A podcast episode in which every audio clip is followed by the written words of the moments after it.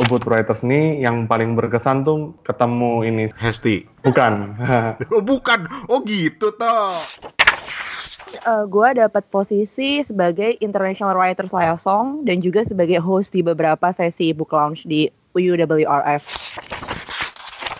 Oh, ini oleh Steven. Cie, oh. Steven. Misalnya teh dan pengkhianat. Itu itu uh, saya uh, mulai cerita itu itu sedang ada isu tentang orang-orang uh, Cina yang datang ke sini yang dituduh mengambil uh, banyak bagian rezeki dari orang Indonesia tuh. Saran saya sih jangan menggunakan jangan menulis seperti menulis terjemahan itu yang nomor satu. Lantas resensi saya tentang buku itu uh, judulnya 9 elemen jurnalisme itu menjadi tulisan saya yang paling banyak dibaca sampai sekarang.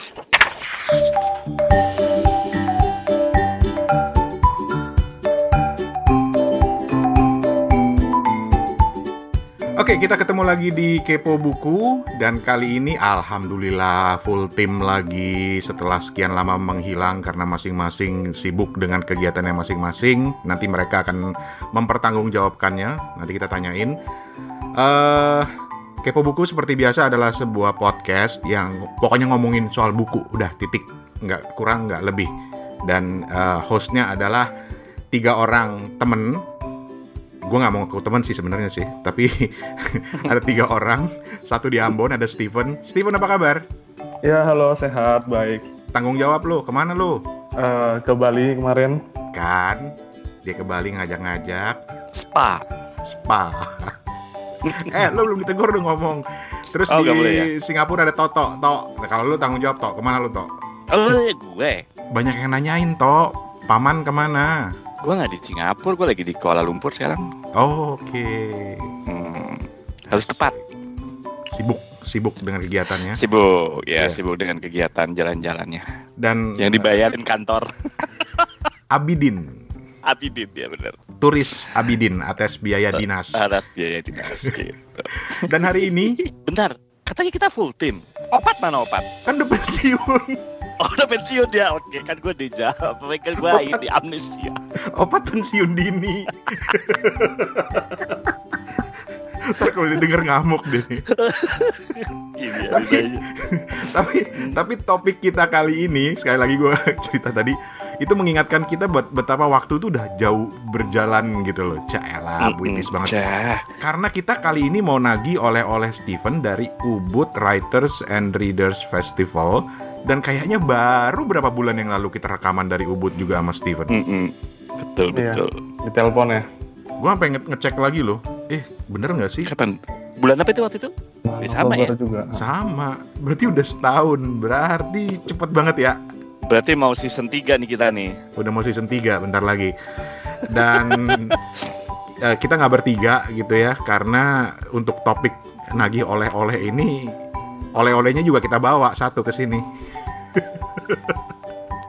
yaitu salah seorang yang juga terlibat di ajang Ubud Writers and Readers Festival namanya Hesti kalau gue nggak salah panggil ya jangan-jangan nanti panggilannya beda lagi tapi kalau di akun Instagramnya HZ Boy Makanya gue pikir tadinya cowok ya udah kita panggil aja Hesti apa kabar Hesti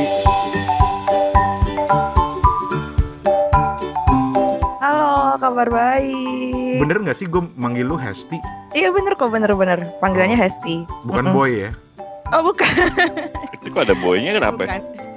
Oh, itu panggilan dari zaman SMA sih, karena emang gue dulu ikutnya ekstrakurikuler break dance sama basket, terus emang tukang bolos, jadi ya udah kayak anak cowok gitu. oh, gitu. Gile. tomboy, tomboy, tomboy. ya gitulah. Zaman gue ekskul cuma ikut kir. ya ampun. gue kira lu ikut PMR lu sebagai pasiennya. Eh masih untung. Coba gue ikut ekstrakurikulernya menjahit kan nggak lucu. Ada ya gitu. Ada di tempat gue. mengetik, mengetik, mengetik. Ada apa? Nah, gue bilang tadi kalau kita mau nagih oleh-oleh dari Steven, nih oleh-olehnya kita bawa satu ke sini nih. Oh, ini oleh-olehnya Steven. Cie, Oh. Steven. Cie, Cie Steven. cie Steven. Gitu. Karena Steven bawa oleh-oleh banyak. Ada tiga wawancara. Nanti kita akan dengerin. Orangnya kelas berat semua. Tapi anyway, kenapa kita bilang salah satu oleh-olehnya adalah Hesti? Karena Hesti itu terlibat di Ubud Writers and Reader. Yang bener reader duluan apa writer duluan sih? Writer duluan. Oh, Ubud Writers and Readers Festival 2019. Lu pakai logika dong, pakai logika. Kenapa? Ditulis dulu baru dibaca. Gua baca dulu baru gua nulis. Tapi lu gimana baca kalau belum ada yang ditulis? Ah, Tulisan orang lain. maaf ya Hesti, maaf ya. gitu. Kita kayak gini bisa lama, Ti.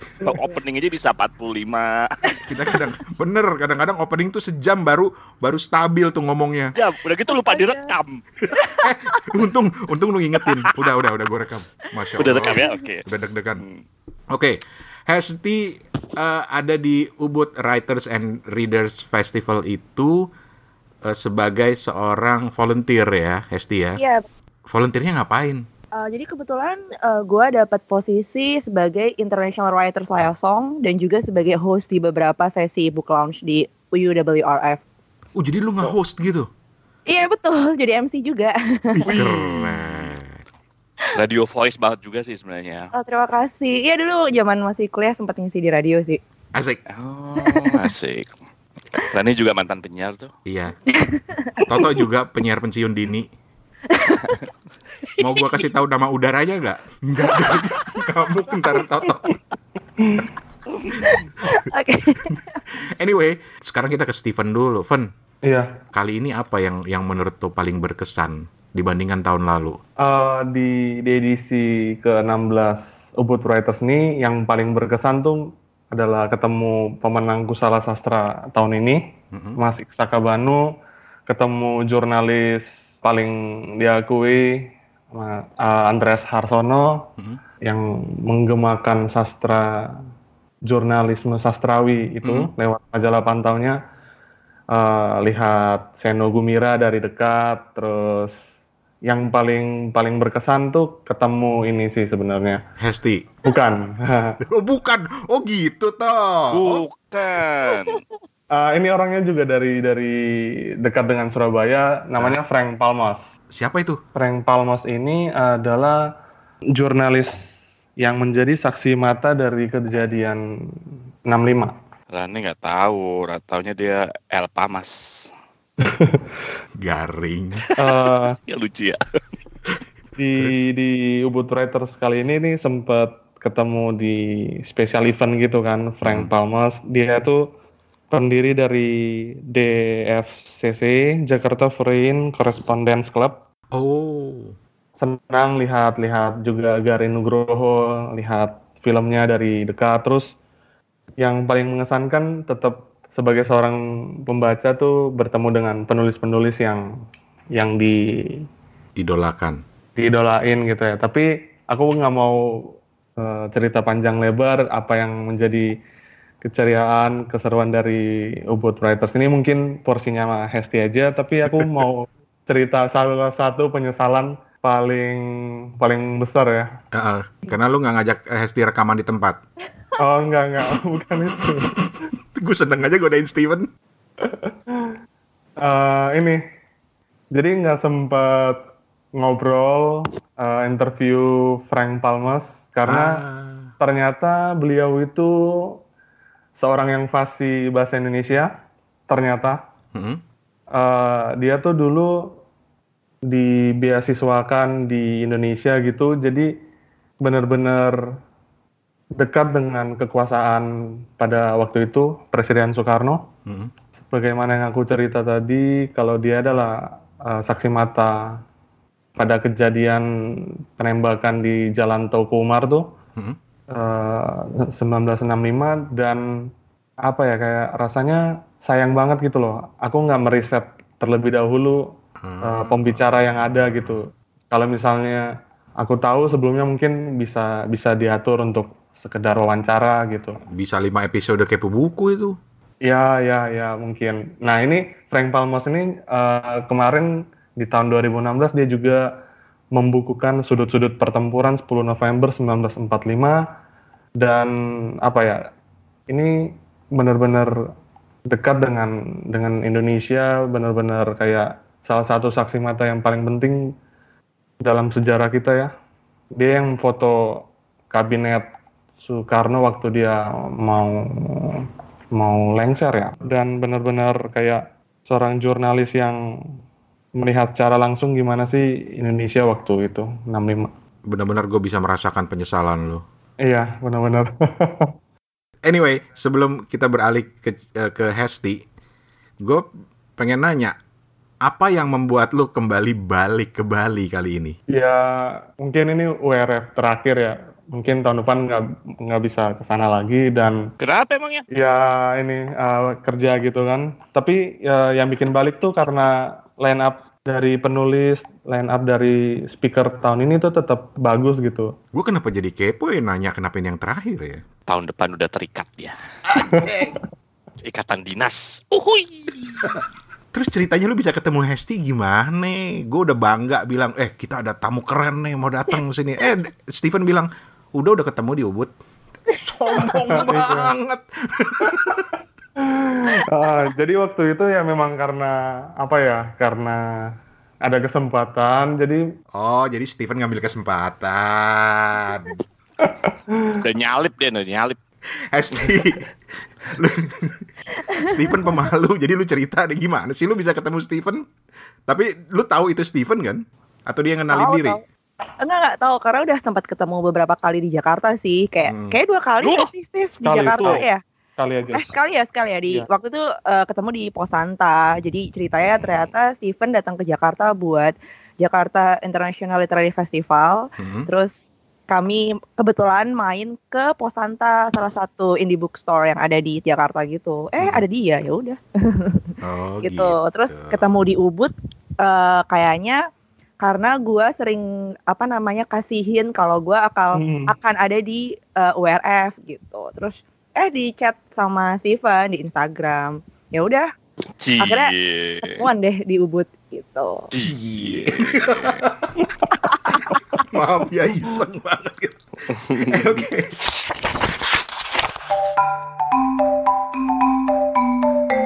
Ini ini pertama kali lo jadi volunteer di di Ubud uh, Writers and Readers Festival. Iya betul. Jadi pertama kali gua eh, join di UWRF malah bukan sebagai partisipan, benar-benar sebagai volunteer. Hmm, keren, keren, keren. Dan gue mau menguji pengetahuan lo sebagai seorang volunteer sekarang. Ah tidak, dia penipu nih. Tahun ini apa sih yang spesial dari Ubud? Temanya atau tamu-tamunya gitu. Tadi Steven udah sempat nyinggung beberapa, tapi itu subjektifnya dia dong. Nah sekarang lu subjektif lu sebagai seorang bagian dari Ubud Writers and Readers Festival. Eh, beberapa penulis internasional yang emang gua ngerti kayak Reza Aslan. Siapa yang nggak tahu Reza Aslan Oh, gitu apalagi iya. kalau pernah ngikutin CNN seriesnya dia. Yoi. Terus ada Irvin Wells yang nulis Transpotting dan itu jadi film juga kan. Hmm. Kemudian ada Terence Ward itu yang nulis The Wahhabi Code. Kebetulan tuh buku dibahas di kantor gua, jadi gua tahu seperti apa tulisannya dia. Terus siapa lagi ya kalau jajaran yang nasional sebenarnya ya orangnya itu itu lagi yang selalu ada di beberapa event literasi gitu sih. Hmm. Tapi tahun ini temanya apa sih? Temanya karma. Kenapa karma? Karena kalau ini dari mereka ya dari UWRF-nya ya apa pun yang kita perbuat di bumi itu pasti kembali lagi kembali lagi ke bumi gitu kan. Jadi misal nih salah satu panel yang kebetulan speakersnya eh, gua yang LO-in. Hmm. Jadi ngisi sesi soal the karma of the comedy. Nah, salah satu pertanyaan dari moderatornya ke speakers gua adalah lo nggak takut apa ngerosting orang, ngerosting negara lo, nanti suatu saat ada hal buruk yang terjadi sama lo. Speakers gue ngomong gini, si Rick, Rick Samader, kebetulan dia adalah salah satu kolumnis di The Guardian, orang UK, Indian UK, dia bilang gini, enggak kok, kan eh, saya ini melakukan humor dengan tujuan untuk melakukan kritik kepada negara saya, karena kenapa mereka-mereka ini masih aja menganggap bahwa kami yang penduduk yang sama-sama warga negara Inggris masih dia rasis, masih mengalami rasis, diskriminasi. Jadi ya kurang lebih mungkin karma nggak selalu selamanya adalah berbaliknya kalau lu berbuat negatif jadi negatif enggak juga bisa jadi ya akan ada sesuatu improvisasi kali ya kembalinya ke bumi gitu Keren. Tok, ada Reza Aslan, Tok. Eh, gua- iya. gue foto bareng sama Reza Aslan loh om Tuh, kan. gimana kan. Tuh kan. Sombong deh langsung. Tuh kan. Gue paling sebel gue. Karena bukunya juga gue baca gitu. Jadi temen gue, gue juga baca dulu baca Karen Armstrong kagak pernah ketemu pas ada conference apa temen gue bisa foto sama Karen Armstrong. Sekarang lu ngiming-ngimingin lu foto sama Reza Aslan. aduh sayang sekali om Toto tidak ke Bali itu panelnya bagus Iya. banget padahal Mana gue tahu Steven juga nggak ngajak-ngajak. Tahu. Padahal janjian kan tahun lalu kita bilang kita nongol deh di Bali. Nggak dapat ini, nggak dapat undangan dari yayasan soalnya. Yayasan apa anak yatim? Gak dapat undangan dari yayasan apaan? Emang harus diundang ya, Hesti? Eh, enggak sih kan kalaupun mau jadi partisipan sebenarnya bisa tinggal beli tiketnya aja gitu Tuh, tuh kan Steven emang lu, Gitu dia nyari alasan dia. Emang lu nggak, lu emang takut lu saingan sama yang cakep-cakep kayak kita, Fen. Iya. Oke. Eh, Ti, gue gue coba mau tanya satu hal, simple Betul. aja. Lu kan sebelumnya berarti pernah jadi partisipan dong? oh belum belum pernah belum oh, belum pernah pernah ya? Karena gue sebenarnya mau tanya, lebih menikmati mana lu sebagai sebagai volunteer apa sebagai partisipan gitu sebenarnya? Oh, kayaknya sih partisipan kali ya karena karena gue volunteernya LO jadi dan gue megang empat Sibuk gitu ya? Iya udah megang empat speakers, megang MC juga jadi kayak bisa seharian banget kerjaannya. Kalaupun mau datang panel curi-curi gitu, oke speakers gue udah bisa ditinggal nih, oke gue datang panel kayak gitu sih. Siapa aja speaker yang lu pegang? Jadi pertama ada Rick Samader tadi yang orang eh, Inggris, kemudian ada Megan K. Stack, dia orang Amerika, ada Erin Cook, jurnalis Aussie, satu lagi Suneta De Perez, itu juga orang Aussie. Mereka nggak apa-apa gitu lo pegang-pegang? eh, gue kan nanya. Iya Lu tuh gak pegang speaker, gue bilang. Satu Iya, iya, Om. jujur Lah, emang Toto, jujur. Lah, gue kan memakai bahasa Indonesia yang baik dan mendingan. Ya, gue tanya, itu bahasa Bukan yang gimana? yang baik dan benar ya. Eh, tapi tapi sebelum kita eh, buka eh, kantong oleh-olehnya Steven, lu tuh seorang peminat buku atau lu memang ada latar belakang di bidang perbukuan, Hesti? Harusnya nih gue tanya di awal tadi nih. Atau emang kurang kerjaan aja? Eh, jadi sebenarnya gue udah suka banget sama buku dari kecil karena emang ya keluarga gue kebetulan ke- orang tua gue dua-duanya bookworm banget jadi gue terpapar sama mereka terus gue kuliah jurusannya ilmu perpustakaan Jadi, ya, sejalan sama kecintaan gue gitu ya udah semakin berkembang semakin berkembang kerjaan gue juga eh, ada irisannya dengan kesukaan gue dengan buku gitu sih jadi ya hidup gue dengan cinta mati gue sih buku Asik. Asik. Apa lu kerja di penerbitan atau gimana? oh enggak enggak gue sebenarnya kerja di eh, salah satu konsultan bisnis di Jakarta cuman ownernya ini juga seorang penulis terkenal di Indonesia gitu Siapa siapa siapa? Oh, gue tahu. Ini nih Siapa yang tuh? gua, nge- gua ngeledekin Steven di WhatsApp. Nih kita ngeledekin ya tau ya. gimana gimana Terus terus dia bilang jangan macem-macem loh. Tuh kenal sama Renald Kasali. iya betul Oh. betul betul, betul. Prof Renald Kasali. Iya. Jadi lu ketemu tiap hari gitu sama beliau. ya nggak tiap hari juga kalaupun kalaupun emang diminta untuk ketemu beliau ya ketemu gitu cuman ya gampang diakses gitulah Gue dulu kenal sama Renal Kasali, gue gimana kenalnya kenal. Terus dia bilang, eh tesisnya cepetin dikelarin. GU lu. oh mahasiswanya Mm-mm. Oh, lu mahasiswanya Prof Renald. Mm-mm. Waktu S2. hmm, anak MM ternyata ya Enggak, gue anak Oh, bukan. MSI. manajemen apa tuh Manajemen sainsnya kan di FA-nya. oh Bukan MM-nya. Bukan Ah, ah, MM-nya. ah, ah, ah, ya, ya, ya. Gitu. Anyway, Kalau tak terlupakan berarti lu nggak kelar-kelar tesisnya tuh. galak. Maaf ya, Pak Prof. Hesti aduin Hesti. Maaf ya, Nih Prof. gue WA sekarang gimana nih gue WA nih Pak ada yang Pak, ada yang gigi kelar-kelarin tesisnya dulu gitu. It- itu di mana di Semarang? Kok di Semarang sih dia UI, Pak? Ya Oh di. UI. Oh lu masternya di UI. Lu nggak pernah cerita sama kita.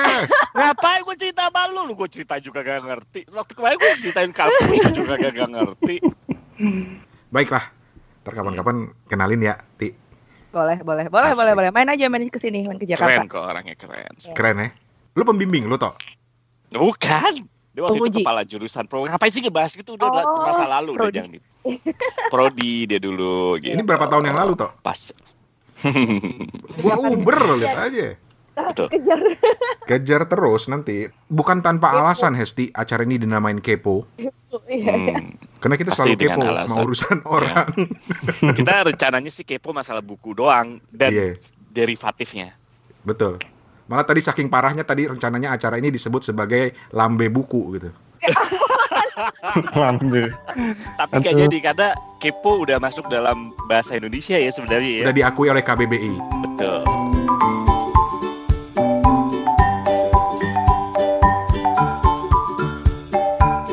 Oke kawan-kawan, eh, kita akan lanjut sebentar lagi dengan obrolan di Kepo Buku. Tapi sebelumnya ada satu pesan pendek dari kami di podcast Kepo Buku dan juga dari para teman-teman podcaster buku di Indonesia yang ingin mendukung para penerbit buku di negeri kita tercinta ini yang tengah berjuang untuk melawan pembajakan buku. Simpel aja sih pesannya, berhentilah membeli buku bajakan, berhentilah membaca buku bajakan. Ya nggak usah dulu lah kita teriak-teriak lantang melawan korupsi kalau kita masih membaca buku bajakan. Itu juga korupsi. Nggak usah dulu lah juga kita teriak-teriak menyerukan penegakan HAM kalau kita masih baca buku bajakan. Karena membeli buku bajakan itu juga melanggar HAM para penulis dan penerbit dan semua yang terlibat dalam proses munculnya sebuah buku. Jadi kurang lebih begitu pesan kami, stop pembajakan buku. Kita kembali ngobrol di Kepo Buku.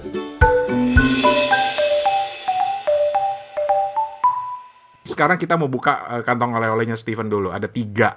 Eh, jadi kita minta tolong Steven buat mengantarkan ya sebelum kita puterin eh, rekamannya. Yep. Yang pertama dulu Steven, Iksaka Banu. Ini peraih Anugerah Kusala Sastra 2019 ya. Iya. Silahkan, lu ngobrol apa, terus kasih background dong sama kita dong.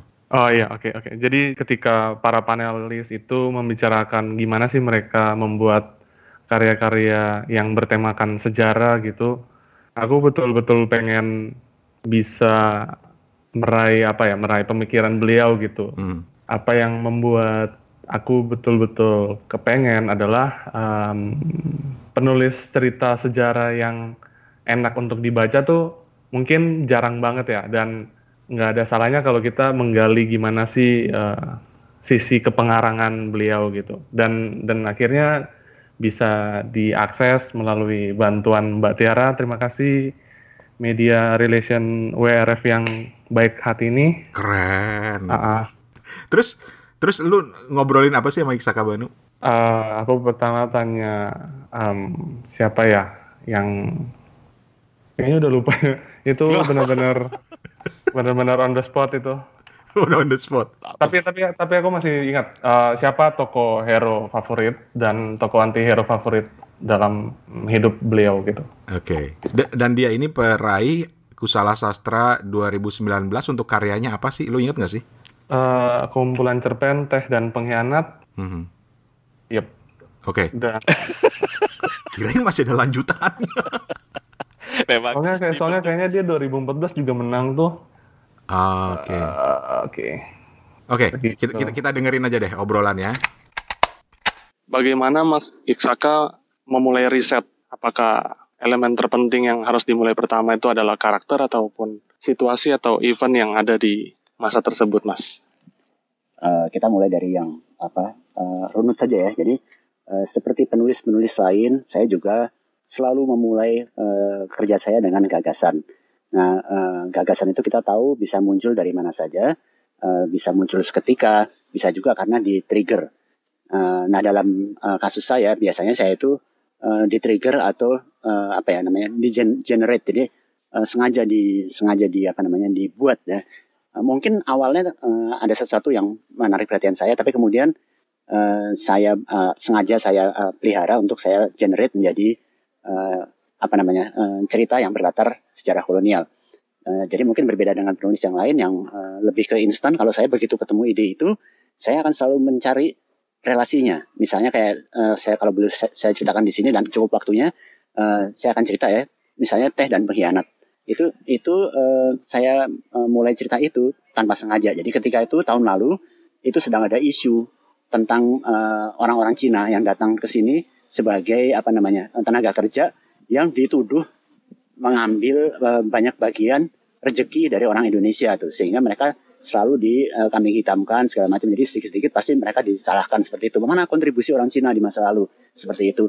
Saya tidak dalam sedang dalam posisi untuk memihak siapa-siapa. Tetapi ketika membaca itu saya merasa rasanya saya pernah membaca sesuatu yang mirip ini di di tahun-tahun lalu. Ketika saya ingat lagi saya ingat ada suatu cerita itu uh, apa namanya di tahun 1832 itu uh, para saudagar teh Belanda itu sedang menemukan lagi seneng-senengnya ya menemukan komoditas pengganti kopi yang sudah turun.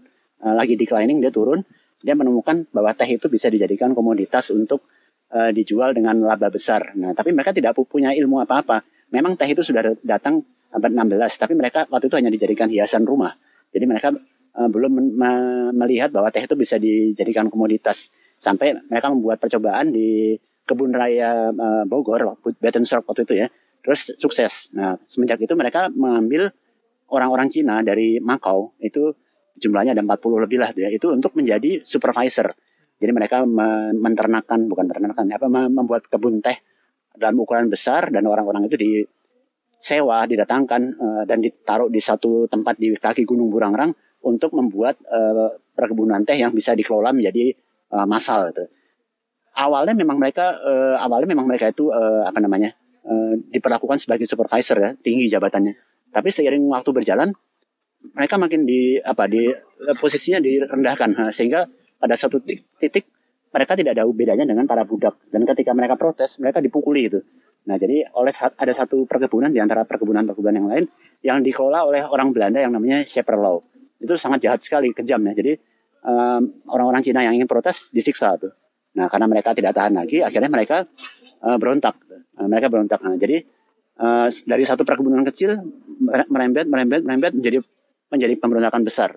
Dan ternyata tentara Belanda yang ada di situ tidak mampu melawan mereka, sehingga mereka harus uh, meminta bantuan ke Batavia.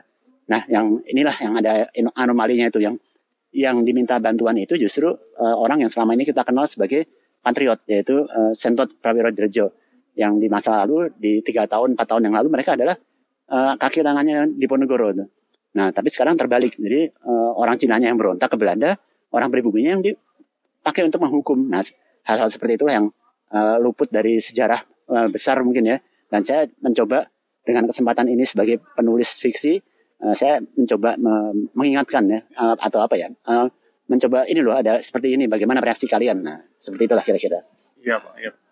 Um, kita ke, ke skop yang paling atas misalnya. Saya membaca karya Bapak di KPG, di margin kiri, di majalah Majas, komentar yang bertema Noir.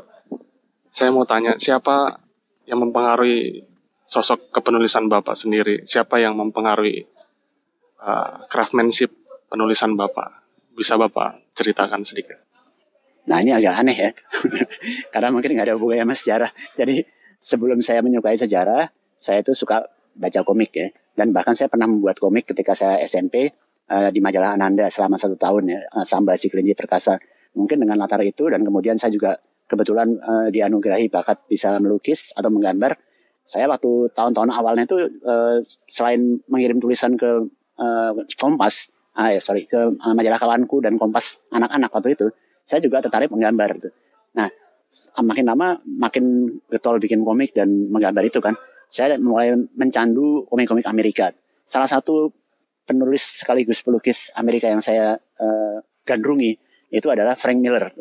Nah, nah itu dia uh, noir. Ya. Jadi noir, uh, noir benar. Dan saya belum menemukan penulis lain kecuali Neil Gaiman ya, yang yang setara dengan dia untuk membuat kata-kata yang setajam peluru. Ya. Jadi saya kagum dengan si si Frank Miller itu karena uh, gambarnya bagus dan kalau dia nulis memang panjang. Tapi tulisannya tuh nggak ada yang tidak ada yang tidak efektif. Jadi semua kalimat tuh apa yang ekonomi ekonomi ah, benar-benar tuh uh, punya arti. Jadi saya kagum sama itu. Nah itu yang saya pakai untuk uh, menulis cerita di Ratu Skop dan kemudian beberapa saya adaptasi untuk menulis di uh, sejarah juga gitu.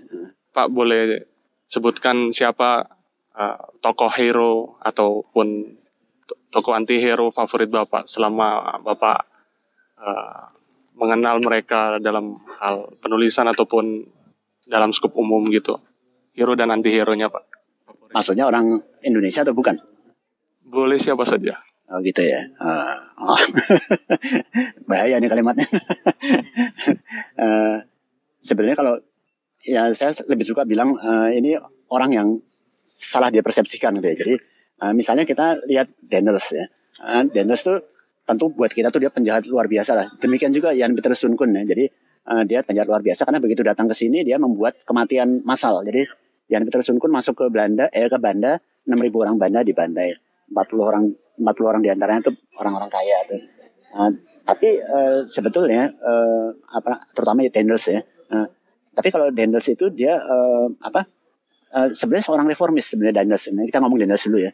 Seorang reformis karena dia banyak sekali membuat uh, birokrasi Belanda sendiri uh, jungkir balik. Jadi yang tadinya itu sangat birokratis, sangat apa tuh dia karena Daniels masuk menjadi lebih lebih padat dan lebih lebih straightforward. Jadi kayak gitu ya. Memang tangannya berdarah, tapi dia membuat dialah yang pertama kali mulai peduli mungkin ada sekolah uh, sekolah uh, bukan sekolah yang namanya apa bangsawan-bangsawan dikasih tahu lah tuh, supaya bisa mengerti uh, kalau dia ngomong orang itu bisa ngerti maksudnya tuh. Nah, dia bukan Belanda asli karena kalau Belanda asli pada tahun pada tahun-tahun itu bahkan sampai tahun 30-an uh, Belanda itu lucu. Jadi dia uh, mungkin karena mereka beda dengan Inggris atau Perancis ya. Uh, Belanda itu lebih suka orang-orangnya mereka yang belajar bahasa kita dibanding kita mengeluarkan duit banyak untuk membuat sekolah. Nah, itu yang mungkin luput uh, dari orang-orang bahwa sebenarnya Dendels tuh tadinya nggak pengen begitu dia pengennya tuh ya udah orangnya diajarin aja dan seperti itu loh tapi mungkin salah arti dan kemudian dia terlalu pendek umurnya di sini diganti sama uh, gubernur jenderal yang lain jadi sem tidak sempat uh, tidak sempat ter apa bersemi idenya itu. Tapi yang yang dikenal orang tuh malah yang jalan raya pos segala macam itu. Jadi yang jahat-jahatnya yang yang di yang ter, terlihat. Nah seperti itulah kira-kira. Hmm uh, kemarin saya ketemu Mas Handoko, dia bilang kabarnya nanti film akan difilmkan novel Bapak yang terakhir Sang Raja.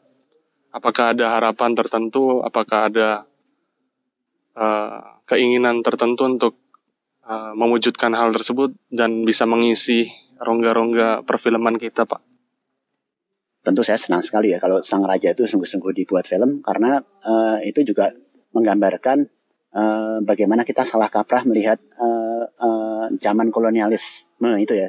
Uh, jadi kita selalu berpikir pada zaman itu orang Indonesia itu bodoh, miskin, bajunya compang-camping, tidak ada yang kaya. Nah itu keliru. Itu adalah gambaran tentang masa kolonial yang dicekok dicekokin uh, ke kita oleh pemerintah sebelumnya ya. Jadi uh, supaya mereka tuh uh, benci banget sama Belanda dan dengan demikian kita punya rasa heroisme tinggi atas apa namanya kemerdekaan kita itu tidak tidak salah tidak salah tetapi kebablasan. Jadi itu sehingga yang hitam putih itu menutupi yang fakta yang sebenarnya ada tuh. Saya berbicara ini bukan ingin memihak ya, tapi saya ingin meluruskan ingin membuat sesuatu yang apa ya yang yang jauh lebih fair lah gitu ya. Jadi ada orang-orang uh, Belanda yang yang yang tidak semuanya jahat gitu. Jadi?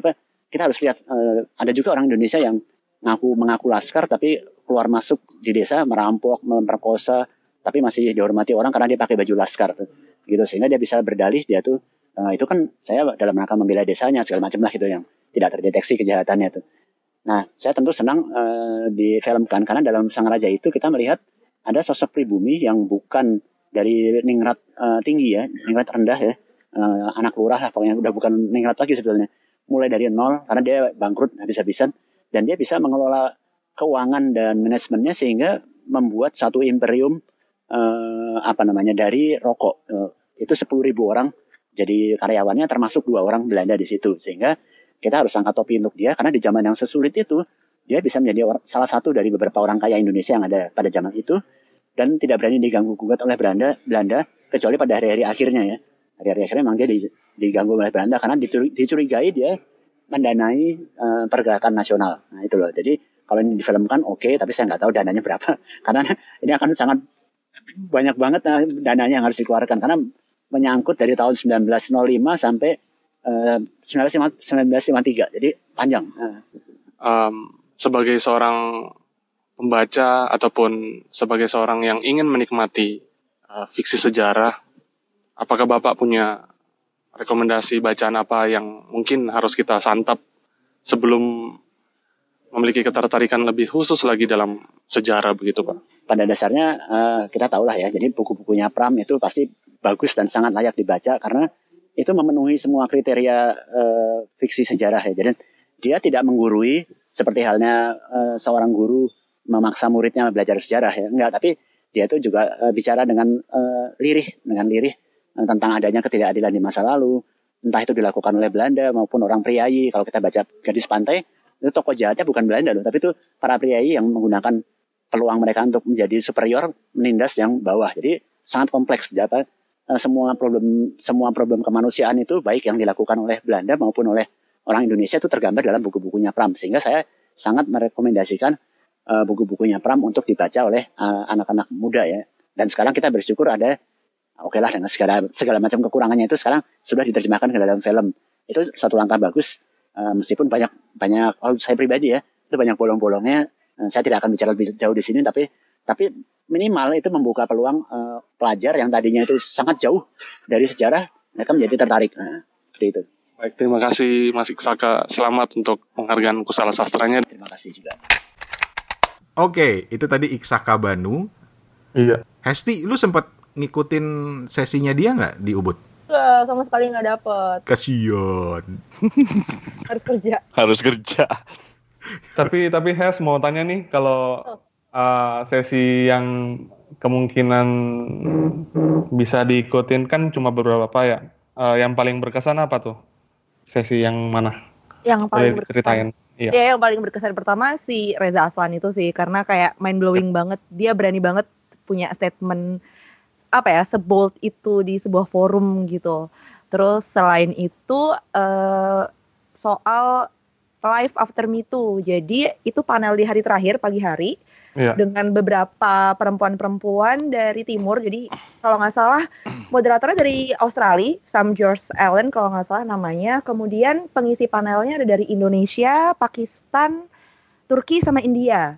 Jadi kita diajak untuk melihat iya sih hashtag MeToo itu rame banget di barat, tapi bagaimana dengan di timur? Apakah akhirnya dengan hashtag MeToo uh, jadi berbondong-bondong saling membantu atau gimana? Itu uh, apa ya bisa dibilang membukakan ke mata kita semua kalau jangan-jangan yang di timur itu malah jadinya uh, flop jadi malah backlash gitu loh hmm. kayak gitu itu dua yang paling berkesan menurut aku wow wow ini emang harus ke Ubud gitu ya. Eh, kita rekam gitu ya bikin acara di sana gitu ya toh ya. Cuman Steven nggak ngajak. Iya kita nggak diajak sih. Tega emang tiba-tiba aja bilang bang gua nggak bisa rekaman. Hmm mau ke mana lagi nih bocah? Ternyata. Kalau Toto bilang nggak bisa rekaman kita udah tahu deh. Orderan lagi banyak. Coba panggilan namanya juga kita. Iya.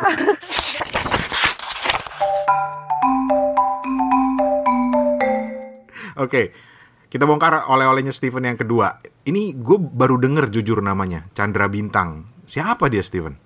Um, Chandra Bintang ini salah satu penulis emerging di Ubud Writers kali ini yang bikin aku um, pengen ngajak wawancara tuh karena dia udah menerbitkan novel thriller gitu di penerbit Nora dan rasa rasanya jarang tuh yang penerbit emerging yang uh, penulis emerging yang udah punya karya sebelum dia hmm.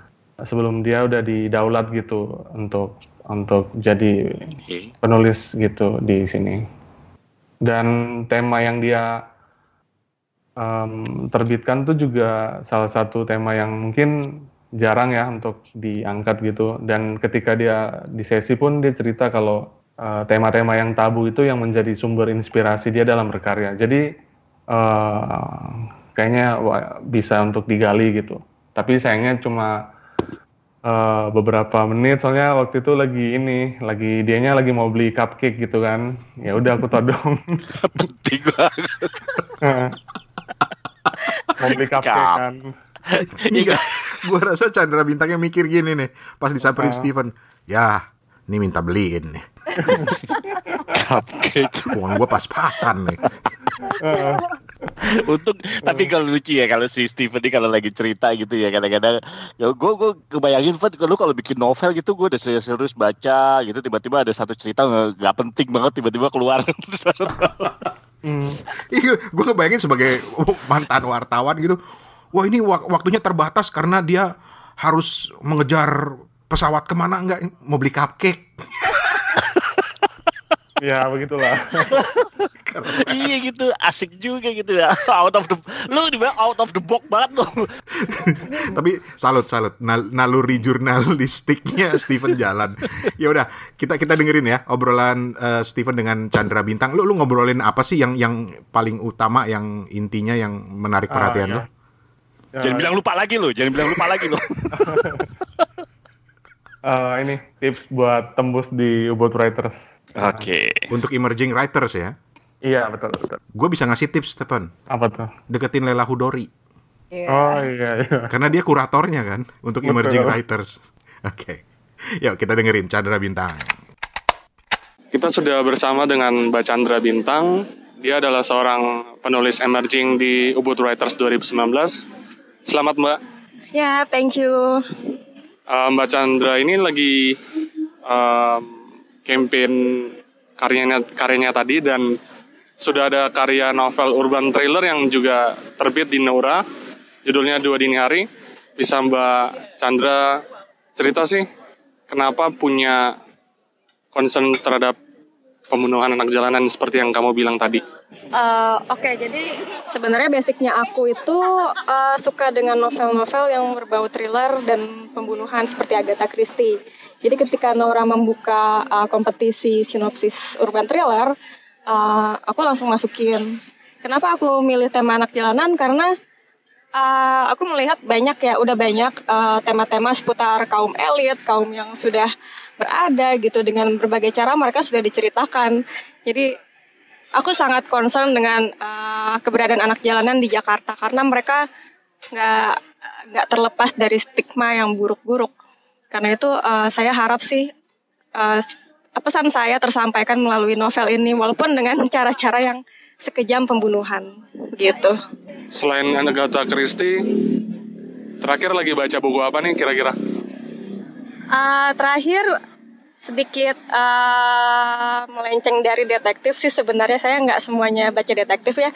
Uh, terakhir Handmaiden eh, Handmaid's Tale karya Margaret Atwood ini lagi proses baca karena saya pikir uh, menarik melihat filmnya uh, serialnya di Hulu.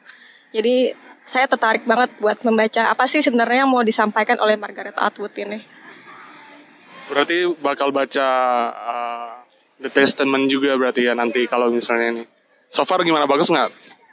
The Handmaid's Tale uh, uh, secara mengejutkan ini ya uh, saya pikir bakal dengan dia akan menceritakannya dengan cara yang uh, megah atau dengan bahasa yang uh, berbunga-bunga bahasa yang begitu hebat-hebat tapi dia menceritakannya dengan sangat sederhana dengan deskripsi yang cukup visual menurut saya cukup enak untuk dibaca jadi uh, saya pikir Margaret Atwood uh, pada masanya mungkin uh, sedikit berbeda dengan penulis-penulis lain. Pertanyaan saya yang terakhir, bagi teman-teman yang ingin mencoba untuk memasukkan karyanya ke festival sastra semacam Ubud, kira-kira apa sih uh, tema-tema yang mungkin akan menggugah para kurator atau kira-kira ada tips nggak? Uh, tips and uh, tipsnya sebenarnya uh, pasti pada udah pada udah pada dengar sih tentang uh, angkatlah isu sosial yang uh, paling dekat dengan kalian. Tidak harus yang tinggi-tinggi, tidak harus yang uh, hebat-hebat yang apa sih kayak politik atau uh, tentang hukum itu tidak harus seperti itu. Tapi coba tengok sekeliling kalian apa sih yang bikin kalian tuh ada apa sih gregetnya di mana? Kalian pedulinya apa sih di sekitar kalian? Ada apa yang kalian rasakan ketika melihat sekeliling kalian? Gitu. Itu yang kalian angkat. Dengan bahasa yang tentunya milik kalian sendiri. Jadi saran saya sih jangan menggunakan jangan menulis seperti menulis terjemahan. Itu yang nomor satu. Uh, jadi gunakan bahasa kalian miliki bahasa kalian dan ceritakan dengan cara kalian sendiri. Terima kasih banyak Mbak Chandra Bintang. Sukses untuk perjalanan ke depan. Oke, thank you ya. Sama-sama ya. Hesti, lu kepikiran nggak sih Apa tuh?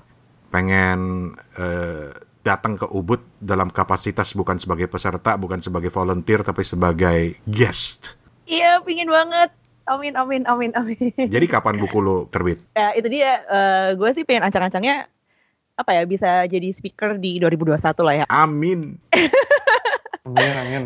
Jadi iya gue lagi sebenarnya lagi dikejar-kejar juga sama salah satu teman gue yang dia dia penulis ditagih bolak-balik kayak mana tulisan lo katanya mau nulis kayak gitu jadi ya sekarang lagi di mendisiplinkan diri untuk rajin menulis setiap hari gitu Asik. Nulis apa? Kepo nih, kepo. fiksi pokoknya ya Mhm. itu doang sih yang bisa gue kasih tau fiksi Oh, ada hubungannya dengan Ubud? Um, nggak tahu ya Keponya parah. Soalnya gue baca blognya blognya Hesti kayaknya berkesan banget di Ubud gitu. aduh malu gue Hmm. Eh, Fun, Fun, Fun. Cuman Iya. kalau kita ya, kita udah bosen ya nagih eh, Rani eh, bukunya kapan kelar ya. Dari season pertama ya, dari season pertama. Gila lo. Dua tahun gue ditagi-tagi. ya kan lah Sama, lu juga. dah. iya ya ya udah bareng-bareng gimana bang Kalau Toto mah bukunya udah kelar dia. Dia tiap tahun bikin dia. Buku apa gua? Buku utang. jangan, jangan salah, Steven udah udah jadi lo satu buku. Apa tuh? Buku apa? Ya itu yang kumpulan tulisan itu. Oh iya iya iya. Ya dia lupa. Lupa dia.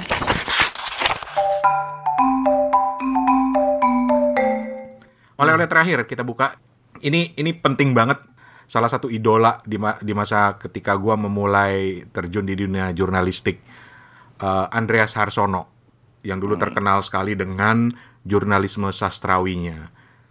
Lu kenapa sih tiba-tiba kepikiran eh, approach eh, Mas Andreas Sastro Ha- Harsono? Eh, karena selain selain dia punya eh, majalah pantau, terus dia bikin eh, perkembangan jurnalisme di Indonesia tuh betul-betul lebih bagus lagi. Ada bukunya kan yang judulnya eh, Jurnalisme adalah agama saya ya kalau nggak salah. Mhm. Hmm. Dan ketika Ubud Writers ini, aku tuh kayak langsung ini nembak harus ikut semua sesi beliau gitu. Hmm. Sampai ke spesial eventnya yang yang tiketnya gila gitu harganya. Wow, oke. Kita dengerin obrolan eh, dengan Mas dengan Mas Andreas Harsono. Eh, mohon maaf, ini kualitasnya mungkin eh, kurang jelas, tapi kita paksakan untuk ada di sini karena gila keren banget obrolannya. Jadi kita dengerin oleh-olehnya Steven kali ini. Kita telah bersama Andreas Harsono saat ini di Festival Sastra Ubud. Saya ingin menanyakan tentang karir kepenulisan Bapak ketika berada di luar negeri. Apakah ada geger-geger budaya tertentu yang terjadi waktu itu? Saya pertama kali tinggal di di Cambridge, Amerika Serikat dekat Boston pada tahun 99. Jadi beberapa bulan setelah Presiden Soeharto turun. Saya ingat waktu itu Chinese New Year. Itu pertama kali saya lihat Leong setelah saya dewasa. Karena Dragon Dance, Lion Dance itu dilarang zaman Soeharto. Bukan geger budaya, tapi ya campur aduk ya perasaannya ya. Saya tidak merasa Chinese is is being my only identity.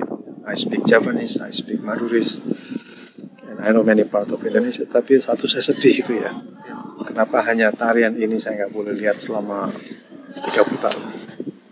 Ketika majalah Pantau menerbitkan antologi, ketika menelurkan yang namanya jurnalisme sastrawi, siapakah sosok atau siapakah figur yang membuat eh, kepengarangan Bapak ini loh eh, hal baru yang harus dicoba di Indonesia apakah Tom Wolfe atau Gaya Talesi siapa Pak?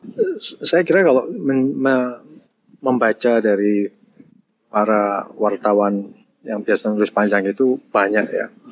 Dari oh banyak sekali saya kira Juan Didion, Kay Tellis, Truman Capote, John Hersey, lain-lain ya. Ramisat Strusinski dan dan lain-lain. Eh, tetapi saya kira orang yang berpengaruh justru bukan orang yang biasa nulis panjang. Namanya Bill Kovacs. Dia seorang wartawan, pernah jadi wartawan New York Times. Lantas dia menjadi eh, pengajar wartawan di Universitas Harvard, tempat saya sekolah. Saya kira dia yang yang membuat saya tertarik pada penulisan panjang. Tapi waktu itu juga ada debat dengan dengan rekan-rekan di Indonesia. Ada Atma Kusuma, Astra Atmaja, ada Stanley, ada macam-macam. Yosef Adi Prasetyo nama panjang dari Stanley. Itu yang kemudian ada Nirwan Dewanto. Dan saya pikir ya udah dicoba saja. Kemudian mengundang uh, Mr. Bill untuk membagikan hal-hal jurnalisme seperti apa yang baiknya di sini ya Pak. Uh, tahun 2003 Yayasan Pantau tempat saya bekerja itu menerbitkan terjemahan dari buku dia The Elements of Journalism karya Bill Kovacs dan Tom Rosenthal. Uh, dia guru saya, jadi tentu tidak susah buat saya untuk mengundang uh, Bill Kovacs datang ke Medan, Jakarta, Jogja, Bali dan Surabaya. Reaksinya seperti apa? Reaksinya saya kira bagus ya di waktu itu baru masuk reformasi, kebebasan pers juga dibuka. Waktu itu ada keperluan tentang bagaimana sebaiknya punya pedoman jurnalisme yang bermutu. Nah buku itu terbit, dia memenuhi keperluan banyak wartawan Indonesia, sekolah wartawan, tentang pedoman jurnalisme yang bermutu. Sampai sekarang, hampir 20 tahun kemudian, buku itu masih jadi pegangan banyak sekolah wartawan. Sampai sekarang masih penting. Lantas resensi saya tentang buku itu, eh, judulnya 9 Elemen Jurnalisme, itu menjadi tulisan saya yang paling banyak dibaca sampai sekarang. Di weblog? Di macam-macam, di copy, paste, di mana-mana. Um, saya ingin menanyakan kalau bagaimana Bapak memandang masa depan jurnalisme di Indonesia ketika kemarin saya ikut di special event Bapak bilang kok sekarang nih makin miris ya uh, penghasilan dari jurnalis gitu Pak. Ya, banyak indikator untuk melihat keadaan jurnalisme di Indonesia. Ya, mulai dari gaji wartawan, ada standar gaji yang dikeluarkan Aliansi Jurnalis Independen, itu bisa dibandingkan dengan upah minimum. Ada juga kepemilikan, ada juga indikator kebebasan pers dari Reporter Sans Frontier atau jumlah kekerasan, intimidasi terhadap wartawan.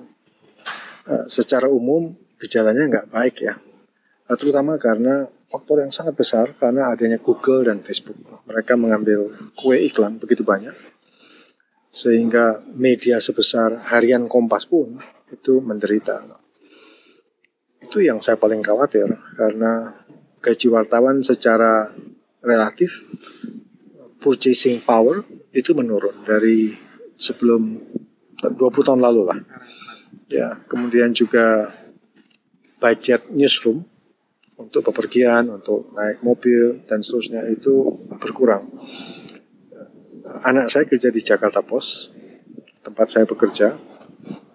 Dibandingkan 20 tahun lalu, gaji anak saya ini purchasing powernya tinggal mungkin seperempat dari gaji saya di tempat yang sama, perusahaan yang sama 20 tahun sebelumnya, 25 tahun sebelumnya. Juga budget transportasi saya dengan anak saya, tempat yang sama, perusahaan sama, itu jauh lebih menurun.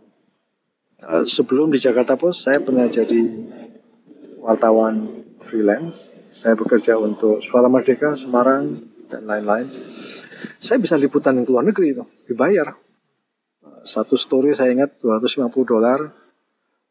Saya nulis 6 story satu bulan 1.500 dolar. Uang sekarang sekitar 20-25 juta lah per bulan. Nggak bisa terbayang kan wartawan freelance dapat 20 juta sekarang. Mengerikan itu keadaannya. Sekarang ya paling 10-15 lah yang gajinya bagus di Jakarta. Oke tiga oleh-oleh plus satu oleh-oleh beneran pelakunya langsung dibawa gitu jadi kapan Steven tahun depan serius lu nggak mau ke Ubud uh, festival lagi uh, Writers Festival lagi uh, belum tahu Hah? belum tahu Padahal gua sama Toto udah rencana tuh mau ke sana karena guestnya nanti salah satunya Hesti. Iya, amin. amin, amin, amin, Iya dong, aminin yang kenceng. Anyway, thank you banget buat oleh-olehnya. Kita akan ngobrol uh, tentang topik lain dengan Hesti. Mudah-mudahan masih betah sama om-om ini.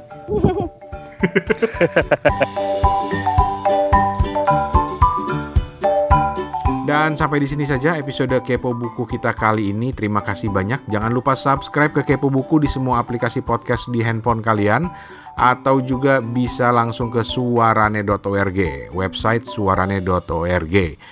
Kami bisa dihubungi di suarane@gmail.com atau di 087878505012 dan kita juga masih menunggu rekaman review-review buku dari kalian teman-teman baik kepo buku sudah ada tiga yang kami terima. Sampai saat ini rekamannya nanti akan kita putarkan. Nanti diberitahu di episode yang mana ya. Pokoknya sabar aja. Dan sebelum ditutup lagi-lagi ada pesan penting dari kami di Kepo Buku dan juga dari teman-teman podcaster buku yang ingin mendukung para penerbit di Indonesia yang tengah berjuang untuk melawan pembajakan. Pesannya simpel saja. Stop pembajakan buku. Stop beli buku bajakan. Stop baca buku bajakan kita mau tinggalkan kalian dengan satu fakta menarik soal pembajakan buku ini, terutama untuk teman-teman yang beragama Islam ya. Coba diingat-ingat lagi, bagaimana kalian pertama belajar membaca kitab suci Al-Quran. Bisa jadi kalian menggunakan salah satu metode paling dikenal di Indonesia dan juga di dunia, yaitu uh, kita kenal dengan nama metode Iqra, karya Kiai Haji As'ad Humam. Nah, kalau di rumah masih ada buku itu, coba ambil lagi. Uh, salah satu dari enam jilid buku Iqra itu diambil. Nggak usah dibuka sampai ke dalam-dalam. Lihat saja bagian depan, bagian sampul depan buku itu. Sadar nggak? Kalau di sampul depan, di bagian bawah, coba lihat ke bawah, ada satu tulisan di situ. Singkat saja tulisannya. Hati-hati buku bajakan bisa tidak barokah. Ironisnya, buku Iqra adalah salah satu dari sekian banyak buku yang juga banyak dibajak di negeri ini. Hati-hati buku bajakan, bisa tidak barokah. Sekian kepo buku, kita ketemu minggu depan. Hesti akan hadir lagi di sini menemani para om-om ini. Kita akan ngobrol tentang sebuah klub baca buku yang unik yang digagas oleh Hesti. Atas nama Steven Sitongan, Hertoto Eko dan juga Hesti Istiviani, Rane Hafid di Bangkok pamit. Kita ketemu di episode berikutnya. Permisi. Assalamualaikum.